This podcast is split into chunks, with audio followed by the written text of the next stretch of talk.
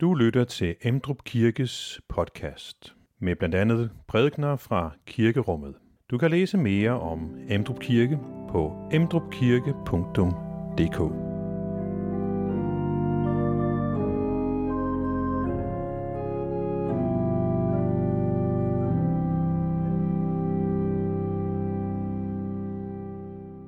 Godmorgen og øh, velkommen til gudstjeneste i dag. I dag er det Thomas, som skal prædike for os. Hvad, hvad skal du snakke om, Thomas? Jeg skal snakke om Nikodemus. Vi skal se på denne mand, som kommer til Jesus midt om natten. Hvorfor i alverden gør han det? Og vi skal se på nogle af de spørgsmål, han har, og nogle af det, Jesus svarer. Hvad vil det sige at blive døbt med vand og ånd? Hvad vil det sige at blive født på ny? Hvad vil det sige at tro? Og alt det der med øh, slangen, som øh, jøderne skal kigge på, og alle de spørgsmål, som Nikodemus har, de skal vi prøve at gå igennem, og så skal vi se, hvilken betydning for det her for os i dag. Hvad vil det sige for os, at vi skal blive født på ny? Hvad vil det sige for os, at vi skal tro? Det vil vi glæde os til, Thomas.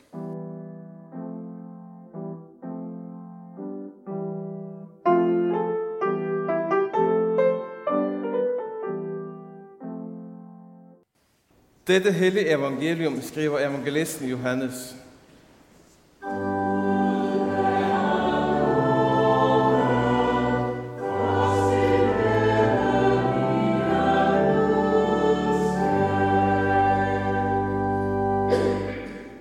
Var et menneske, en af farisæerne ved navn Nicodemus, medlem af jødernes, jødernes råd.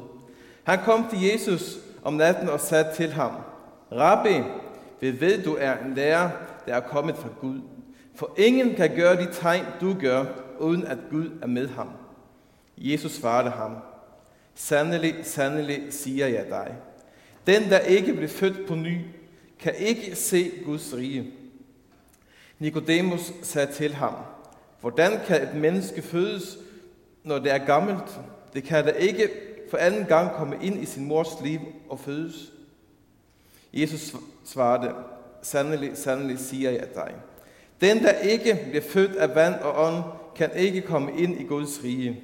Det, der er født af kød, er kød, og det, der er født af ånd, er ånd. Du skal ikke under dig over, at jeg sagde til dig, i må fødes på ny. Vinden blæser, hvorhen den vil, og du hører den suse, men du ved ikke, hvor den kommer fra, og hvor den far hen. Sådan er det med enhver, som er født af ånden. Nikodemus spurgte ham, hvordan kan det gå til? Jesus svarede, du er en lærer af Israel og forstår ikke det. Sandelig, sandelig siger jeg dig. Vi taler om det, vi ved, og vi vidner om det, vi har set, men I tager ikke imod vort vidnesbyrd. Tror I ikke, når jeg taler til jer om det jordiske?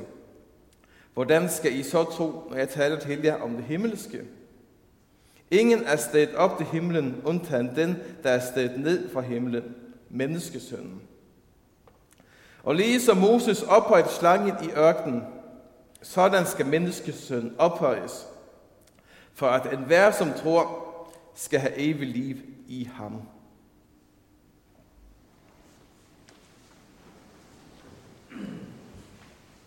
Hellige Gud, hellig os i sandheden, for dit ord er sandhed.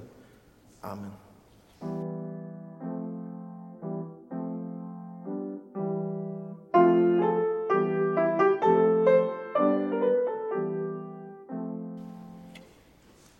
For en øh, god uge siden, så kom jeg tilbage fra Mellemøsten, hvor vi har været nede og øh, besøge nogle kristne.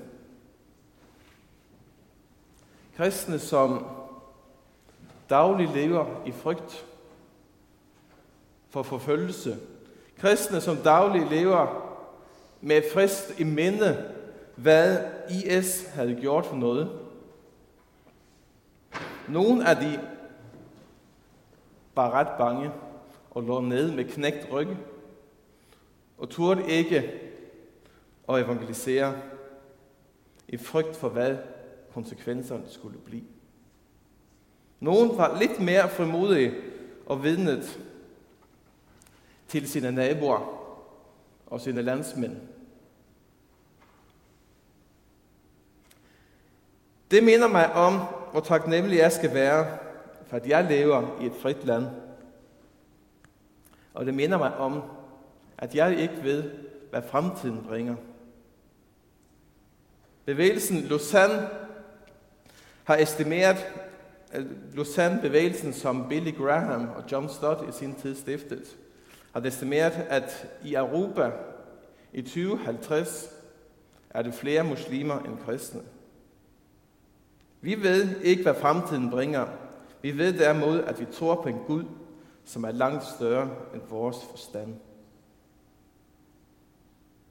Og hvad vil jeg så med det her i forhold til vores tekst?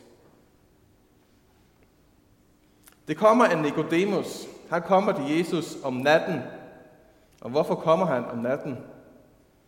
Mest sandsynligt så kommer han til Jesus om natten, fordi han er bange. Han er bange for de sociale konsekvenser, at han skal besætte sammen med Jesus. Jesus, som allerede var nået at blive en meget omdiskuteret prædikant. Og Nikodemus, han var en fariserer, så de fulgte meget nøje med på, hvad den her nye prædikanten havde at sige.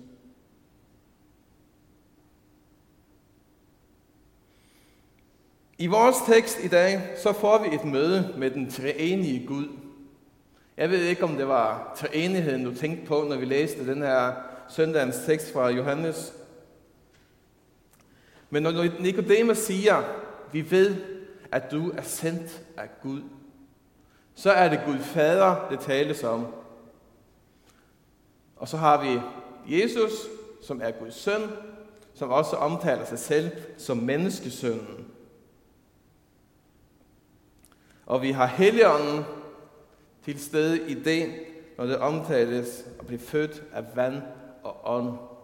Så er det Helligånden, som er på spil. Så sådan, så får vi hele tre enigheden i fuld harmoni med hver sine opgaver. Noget af det helt centrale i vores tekst, det er begrebene vand og ånd. Og går vi til det gamle testamente, så er det meget vand og meget ånd, som er på spil. Du har Noahs ark og syndfloden, hvor vandet redder Noahs familie. Du har udgangen af Ægypten, hvor de frelses ved at gå igennem vand. Hvor vi skal også lægge mærke til, at børnene også var med. Det samme sker, når de går ind i det lovede land gennem Jericho-floden. Og der er renselsesvandet, før de skal ind i helligdommen. Og skal de rense sig med rendende vand på hænderne. Lidt senere kan vi læse om et proselytdåb, at når hedninger vendte over til den jødiske tro, så skulle de døbes. Og i det nye testamente så finder vi omvendelsesdåben, også Johannesdåben. Så når Jesus taler om vand og ånd, så er ikke det begreber, som er udkendt for Nicodemus. Han ved udmærket godt den åndelige betydning af alt det her.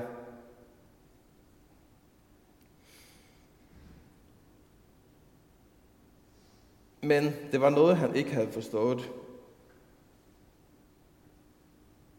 Tror jeg. Jeg tror ikke, han har forstået, jamen, Jesus, det, det, der er vel et eller andet, jeg skal gøre. Er det ikke? Er det ikke noget? Altså, skal jeg ikke fortjene noget? Du skal blive født på ny af vand og ånd. Det er ikke noget, du selv skal gøre, Nicodemus. Der er noget, som skal blive gjort med dig.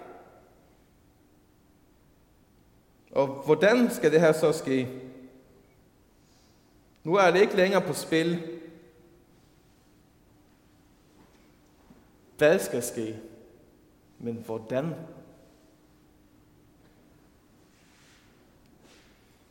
Nikodemus, jeg tror, Nikodemus har forstået noget. Jeg tror, han har forstået, at Jesus er Messias. Ellers havde han spurgt om det fra begyndelsen af. Han tror, han er sendt af Gud, for ingen kan gøre de gerninger, som han gør, uden at Gud er med ham. Rabbierne kunne tale om en nyskabelse, når Gud fornyet menneske ved helbredelse af sygdom eller synder. Men det var Gud, som gjorde. Måske Jesus var Messias, men han var meget, om man skal sige det på den måde, ny på troens vej. Han var søgende. Det var flere spørgsmål, han ønskede svar på.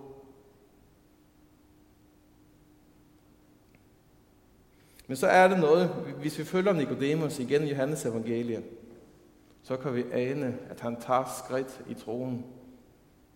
Og til sidst så ender han op med at stå ved korset og kigge op på Jesus. Måske han der erkender, at Jesus døde for hans synder. Det ved vi ikke. Jesus kender Nikodemus sit hjerte. For Jesus er skaber. Jesus er Gud. Jesus er den almægtige. Når vi læser en bibeltekst, så er det meget, gør vi meget klogt i altid at læse konteksten til den tekst, man har foran sig. Og det gælder også i dag. Hvis vi kigger på det sidste vers i Johannes 2, 25, så læser vi, at Jesus vidste, hvad som boede i menneskets indre. Jesus kendte Nikodemus bedre, end han kendte sig selv. Og Nikodemus troede, at det var noget, at han måtte gøre. I hvert fald vidner den øh, farisæiske lærer, vi er bekendt med i Bibelen, den vidner meget om, at det er deres gerninger.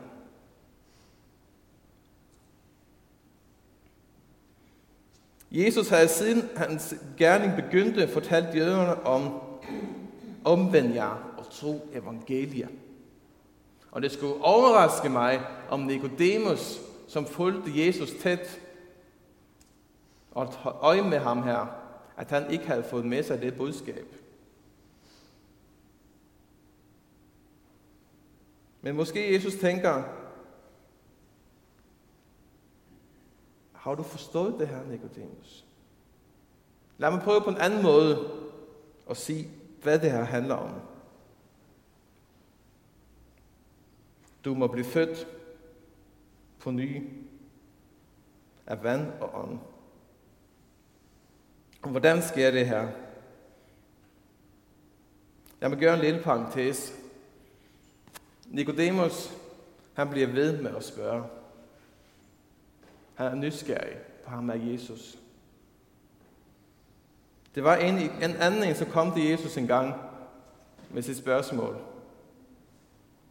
Hvad skal jeg gøre for at blive frelst? Følg budene, siger Jesus. Jamen det har jeg gjort. Så sælg alt det, du ejer, og kom så og følg mig. Det magtede han ikke.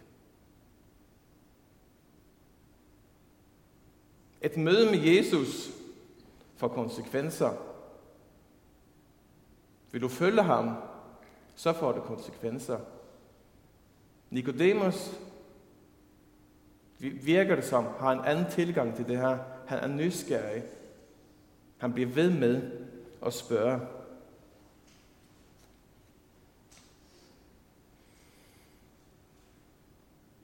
I den lutherske lære, så lærer vi, at vi bliver født på ny i dåben. Vi lærer, at vi får samfund med Jesus. At det er frelse. Med Bibelen og den tekst der taler om mere end at vi skal blive født på ny af vand og ånd. Den taler også om, at vi skal tro. Og hvordan skal vi så tro? I teksten så stod det, at de kiggede på slangen i ørkenen, og så bliver de helbredet. Så bliver de friske. De kiggede på slangen i den, for de havde fået at vide, at det var det, de skulle gøre. Når Jesus hænger på korset, så var der mange mennesker, som kiggede op på ham. Det kan vi også gøre. Vi kan kigge på Jesus. Men hvordan kigger vi på Jesus? Kigger vi på Jesus i den tro? Jesus, nu skal jeg høre her. Jeg ved godt, at det, det var noget i øh, fortiden. Men nu, nu skal jeg virkelig vise mig fra min bedste side. Jeg lover dig på tro og ære, at nu, nu, nu skal det blive øh, gang i den. Nu skal det blive gang i mit kristne liv. Eller kigger vi ham på, øh, op på ham på den måde og siger, okay Jesus, jeg erkender, at jeg ikke magter det selv, men øh, jeg skal gøre mit bedste, og så kan du gøre resten.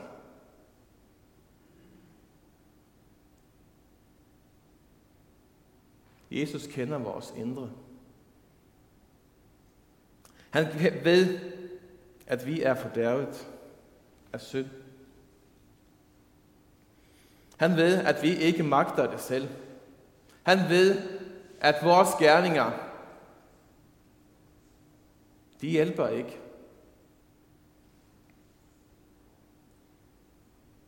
Vi må kigge op på Jesus og kapitulere fuldstændig og sige, Jesus, jeg overgiver mig til dig.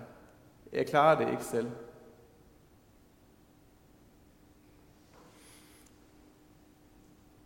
Når vi har dåb i kirken, så døbes barnet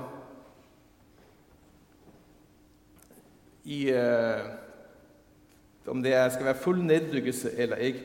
Der er jo så en øh, større diskussion, om, øh, som jeg ikke skal øh, tage her. Men symbolikken i hvert fald, det der med at dykkes ned, er at vi dør med Kristus. Det gamle menneske dør med Kristus i vandet. Og så rejses vi op igen til et nyt liv med Helligånden, med den treenige Gud, ved Jesu opstandelse. Når vi rejses op igen fra vandet, så rejses vi op med Jesu opstandelse.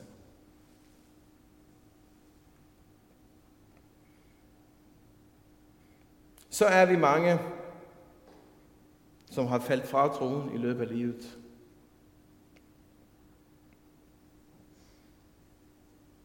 Og ikke vandret med Gud. Men det betyder ikke, at Guds løfter ikke står ved magt. Guds løfter er der, for at vi skal holde fast i dem.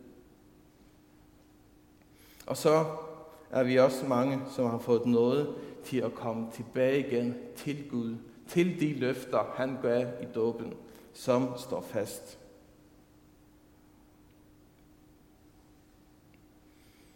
Vil du ind i Guds rige, så må du fødes på ny af vand og ånd, og du må tro.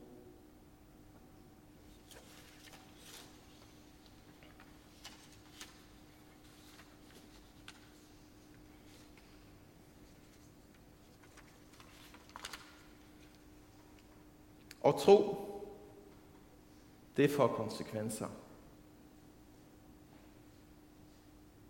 Gud har aldrig lovet, at det skal blive nemt. Men han har lovet, at han skal være med os.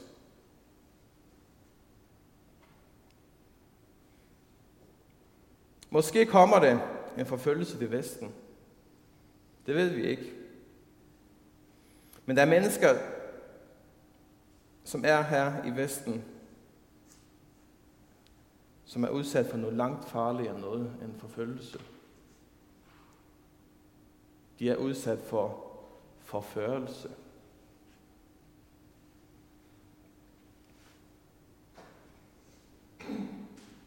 Men jeg tror, at det ikke det er helt håbløst. Vi ser ting i den, hvis du, nogen læser i den kristne pressen, så kan I læse om, at Gud sagte men sikkert begynder også at gøre noget her i Vesten. Vi kan læse om vækkelser i USA, vi kan læse om vækkelser faktisk også i Norge, og 500 stykker har enten fået sin ny tro fornyet, eller kommet til tro på Jesus. Det giver mig håb og tro og fornyet tillid på, at Guds løfter, de står fast.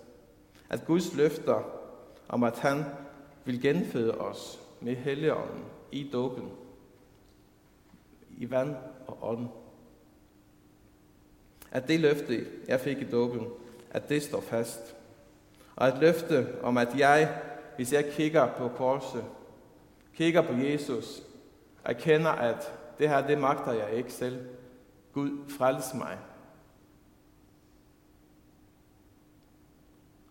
Så skal jeg blive frelst. Så skal jeg komme ind i Guds rige. Og det er ikke hvem som helst, som lover det her. Det er Gud den almægtige. Han, som er historiens herre. Han, som kender os bedre, end vi kender os selv. Han, som har frelst os. Han, som har skabt os. Han, som har skabt os. Det er ham, som giver de løfter.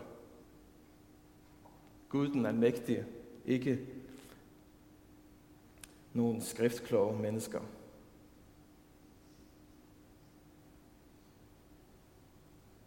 Ære være faderen og sønnen og helligånden, som det var i begyndelsen, nu og altid i evighed. Find flere podcast og læs mere på emdrupkirke.dk